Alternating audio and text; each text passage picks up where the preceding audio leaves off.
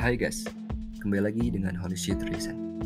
Di episode keempat ini, gue bakal sharing-sharing lagi sama kalian tentang cerita baru, tentang hal baru yang tentunya enak banget untuk dibagi bareng sama kalian.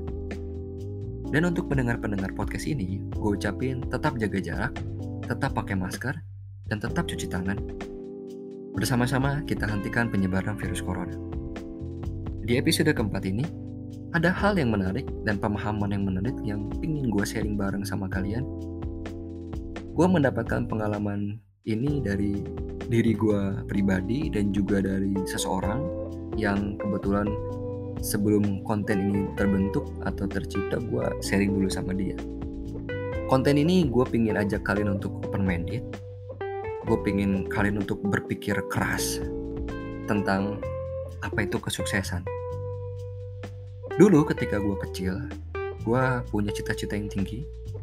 Gue pengen terbang, jadi gue punya cita-cita gue pengen jadi pilot. Tapi dengan kondisi yang gak memungkinkan, akhirnya gue tidak bisa mencapai tujuan gue itu. Gue sempet down di tahun 2016 gue sempet down karena gue nggak bisa mengejar itu karena gue ya orang tua pun terkendala oleh ekonomi dan yang lebih pahitnya adalah bahwa gue sadar akan ke akan kekurangan diri gue sendiri gitu. Padahal gue ketika gue SD SMP SMA tuh gue bener-bener gimana caranya gue punya planning ini. Ketika gue SMA gue masuk ke pendidikan pilot dan gue lulus jadi pilot. Itu planning gue sesimpel itu gitu. Tapi ternyata endingnya pun tidak sesimpel itu dan gue sharing juga sama teman-teman gue ternyata mempunyai hal yang sama. Ketika mempunyai sebuah impian dan impiannya tidak bisa dicapai akhirnya galau sedih dan juga drop. Gue pernah mengalami hal tersebut. Akhirnya gue mencoba untuk bangkit.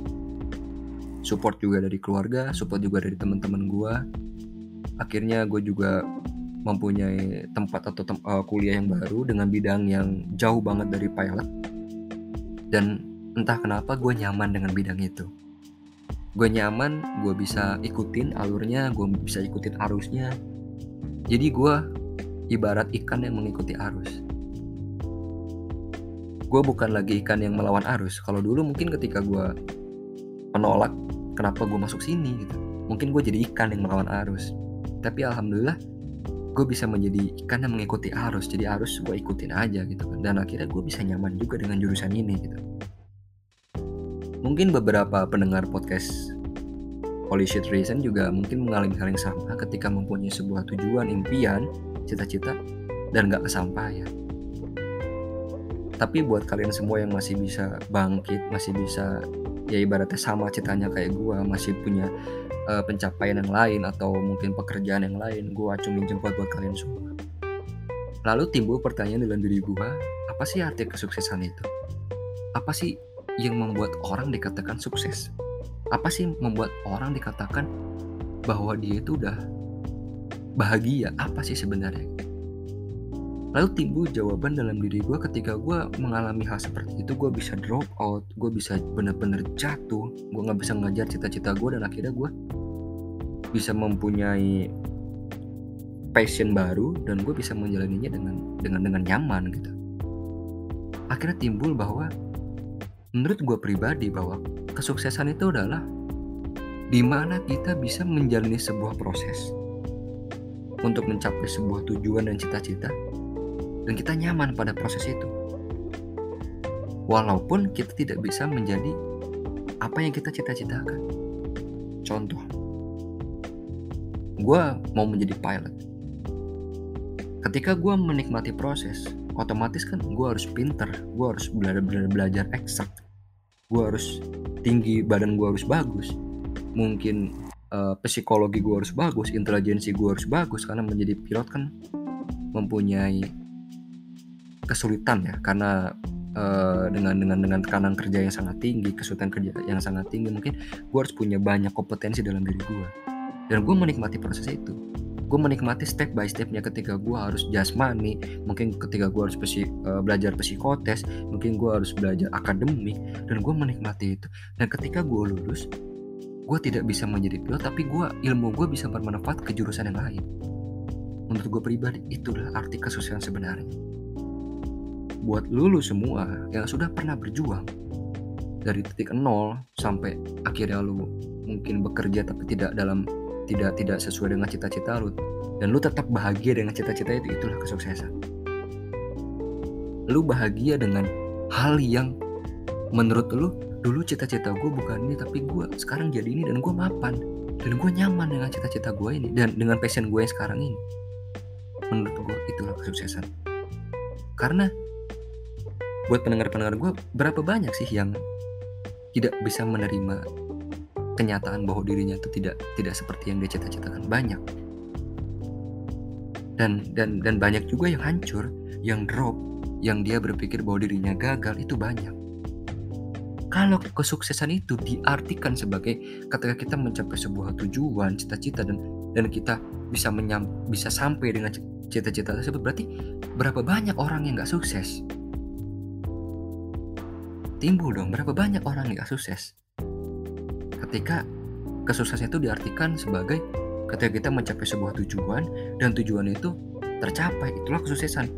Berarti berapa banyak orang yang tidak sukses di dunia ini? Gak adil dong. Tuhan berarti kalau kayak gitu. Lalu timbul pertanyaan dong kok bisa Tuhan menciptakan perasaan tersebut? Tapi takdir gue nggak di situ tapi kok Tuhan menciptakan perasaan tersebut? Mungkin Tuhan ngajarin kita semua, ngajarin lu, ngajarin gua untuk mencintai proses. Karena nggak semua orang bisa memaknai apa sih itu proses. Mungkin itu yang mau diajarkan Tuhan kepada hambanya, kepada umatnya bahwa nih gue mau ngajarin lu tentang artinya tuh gimana caranya lu memaknai proses. Gimana caranya lu tuh berjuang. Gimana caranya lu tuh bener-bener ikhtiar untuk lu yang beragama muslim gimana caranya lu bener-bener berjuang dari titik nol sampai titik akhir. Sehingga kalaupun lu nggak di situ udah gue siapin. Nih tempat lu tuh di sini. Mungkin Tuhan itu punya cara seperti itu. Makanya ketika banyak anak-anak yang ini gue mau menyinggung juga mungkin membuat lu yang merasa tersinggung dengan omongan gue mungkin cerita lu sama gue mohon maaf tapi gue juga pingin sharing juga sama kalian ada beberapa mungkin dari pendengar-pendengar gue yang cita-citanya mungkin menjadi tentara, tentara atau menjadi polisi atau abdi negara atau mungkin menjadi apa yang tinggi-tinggi itu ya. Dan ketika impiannya tidak tercapai di tahun pertama, dia coba di tahun kedua. Di tahun kedua nggak kecapai, dicoba ke tahun ketiga. Di tahun ketiga nggak kecapai, dicoba, dicoba di tahun keempat. Dan pada akhirnya nggak lulus juga. Yang akhirnya mohon maaf mungkin kerja yang nggak tahu kerja apa gitu kan. Karena kan di umur yang semakin tua kesempatan untuk bekerja itu sangat sedikit. Kenapa? Karena perusahaan-perusahaan itu pasti mencari yang masih masih muda dengan tenaga-tenaga yang masih fresh gitu kan. Dan untuk pun mau kuliah pun otomatis kan harus menambah lagi empat tahun gitu kan. Berarti 8 tahun setelah lu lulus baru lu kuliah gitu kan. Atau lu, uh, maksud gua 8 tahun setelah lu sekolah baru lu kerja gitu kan. Karena kan ketika empat tahun lu beres kan umur lu mungkin dua dua dua tiga di situ kan standar standar masuk mungkin abdi negara itu udah udah udah kepotong gitu kan. Akhirnya lu butuh waktu yang lama gitu kan. Dan buat lu, lu yang pernah ngalamin hal seperti ini gue bukan mau mengecilkan niat lu mengecilkan cita-cita lu bukan. Tapi setiap orang harus sadar dengan kekurangannya masing-masing. Setiap orang harus sadar. Memang sangat sulit untuk menyadari kekurangan masing-masing. Gue rasa memang sangat-sangat sulit. Maka oleh dari itu nggak semua orang bisa dikatakan sukses. Nggak semua orang. Lu sukses ketika lu bisa menghargai kekurangan lu sendiri. Dan lu bijak ketika lu bisa sadar ke mana gue harus melangkah. Itu lu baru dikatakan bijak. Dan ketika lu punya impian gue pengen jadi A misalkan mau nggak mau gue mau jadi A apa pun caranya gue mau jadi A. Mungkin zaman sekarang bisa tembusin orang dalam. Mungkin zaman sekarang ada yang ngasih uang ke sana ke sini ke sana ke sini dan akhirnya juga syukur kalau masuk. Gue ucapin syukur buat kalian semua yang udah masuk dengan cara gak halal itu. Karena karma itu pasti berlaku. Lu mau bayar berapa ratus juta pun itu tetap mohon maaf itu tetap jadi tai buat orang itu dan uang itu pun dimakan sama anak istrinya dengan uang yang nggak hal yang yang yang nggak halal itu ya. Gue ucapin nggak apa-apa gue ucapin selamat buat lu semua yang udah pakai beribu-ribu cara buat kayak gitu. Tapi buat lu yang sadar diri sejak dini lu sadar ternyata gue bukan di situ.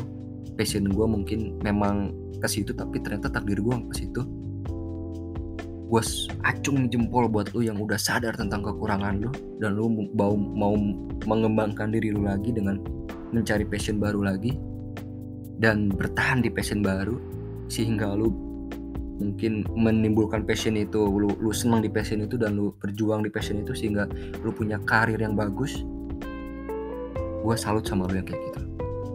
Karena kedewasaan adalah ketika kita mampu menyadari kekurangan kita sendiri ketika dikatakan bahwa kedewasaan itu tergantung sama umurnya bro. Kalau lu udah tua berarti lu udah dewasa. Kalau lu masih muda berarti lu masih anak-anak. Itu salah besar. Karena banyak juga anak-anak yang didewasakan oleh keadaan didewasakan oleh orang tuanya didewasakan oleh situasi itu banyak banget. Tapi anak-anak yang didewasakan oleh keadaan itu anak-anak yang cepat berkembang cepat menentukan pilihan jadi gue harap buat pendengar-pendengar gue jangan sesalin hal yang udah terjadi. Ketika lu nggak bisa mencapai sebuah tujuan dan lu sedih, lu drop dan lu out dan pendengar-pendengar gue nih yang masih SMA, SMA atau SMP lu bebas bermimpi setinggi-tingginya.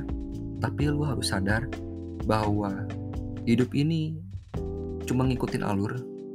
Lu jangan jadi ikan yang ngelawan arus. Ketika lu menjadi ikan yang ngelawan arus lu bakal menemukan banyak kerintangan ikutin arusnya ikutin alurnya ke mana Tuhan sudah memberikan jalan yang penting lu berusaha, lu berdoa, lu tetap ingat Tuhan. Karena Tuhan akan bersama orang-orang yang berusaha. Ketika lu sudah menemukan passion lu, dan lu menemukan karir lu yang matang di situ, di situlah lu mampu berkata bahwa kesuksesan itu adalah ketika lu mampu menghargai proses yang udah lu jalanin. Dan buat lu, lu semua yang sedang dalam fase berjuang, berjuang untuk mendapatkan sebuah karir yang mapan, jangan patah semangat, tetap kerja kejar passion lu, passion lu di situ gitu ya. Dan juga jangan lupakan berdoa. Dan yang paling penting tetap minta doa restu sama orang tua. Dan buat pendengar-pendengar gue di masa corona ini, gue sadar bahwa lapangan pekerjaan itu sangat sedikit. Semua orang berbondong-bondong untuk masuk ke universitas, berbondong-bondong buat bekerja di mana pun itu. Buat orang-orang yang masih berjuang dalam mencari pekerjaan gue ucapin semangat terus. Jangan pantang menyerah. Tuhan bersama orang-orang yang selalu bersemangat. Tuhan selalu bersama-sama orang yang selalu berdoa. Dan Tuhan gak pernah ninggalin lu semua tapi lu yang ninggalin Tuhan. Jangan pernah lupakan ibadah. Karena agama mana pun itu mengajarkan untuk beribadah cuman hambanya aja yang gak beribadah di masa corona ini banyak banget orang-orang yang kehilangan pekerjaannya. Lapangan pekerjaan makin sedikit. Oleh karena itu, pentingnya buat lulu semua yang sedang mengembangkan karir atau mau melamar ke suatu pekerjaan atau sebuah sebuah kantor. Mulai dari sekarang lu pahamin tentang arti apa itu soft skill. Ketika lu udah punya soft skill, di situlah lu punya nilai juang. Karena di zaman corona ini, ijazah itu gak hanya berlaku semua orang itu bisa berjuang tanpa ijazah. Bahkan orang bisa belajar dari otodidak. Sekarang banyak konten-konten kreator itu yang dulunya lulusan S1, S2, S3 yang harusnya mereka bekerja di bekerja di suatu perusahaan itu kan memanfaatkan ijazahnya. Malah gue lebih suka orang-orang yang bekerja di YouTube atau misalkan yang menjadi konten kreator itu orang-orang yang tidak lulusan sarjana. Kenapa? Setiap orang itu harus punya porsinya masing-masing. Lu nggak bisa ngambil sebuah pekerjaan semua lu ambil semua. Dan lu nggak bikin orang lain. Contoh sederhananya sekarang banyak lulusan-lulusan S1 yang ngambil pekerjaannya orang yang nggak berijazah yang harusnya mohon maaf gue nggak menyinggung sebuah pekerjaan. Gue pernah kenal uh, di kantor bokap gue ada ada atau gue bilangnya office boy yang di S1 menurut gua itu bukan bukan gimana ya? Itu lebih ke coba lu sadar diri lah. Lu ngapain S1 di situ? Lu artinya lu nyetop pekerjaan orang. Ketika lu nggak di situ lu bisa ngasih pekerjaan tuh ke orang lain harusnya gitu kan. Buat lu semua yang berijazah dewasa sedikit hijaklah sedikit kasih kesempatan orang-orang lain buat mencari pekerjaan segitu aja dari gua. Terima kasih untuk mendengarkan podcast ini. Tetap jaga kesehatan tetap jaga jarak tetap pakai masker dan juga tetap cuci tangan. Bersama-sama lu semua dan dan semuanya kawan-kawan yang udah mendengarkan podcast ini tetap kita harus benar-benar satu jalan untuk untuk benar-benar menghentikan virus ini karena gue benar-benar muak dengan virus ini ya bro. Lu sama gue jadi bisa jaga jarak padahal lu sama gue bisa ketemu gitu kan di sebuah tempat atau di mana gitu kan. Kita bakal bisa sharing-sharing gitu kan tapi karena corona ini benar-benar bikin gue sesek banget gitu ya dengan corona ini. Terima kasih buat semuanya. Sampai ketemu lagi di episode selanjutnya. Sampai jumpa.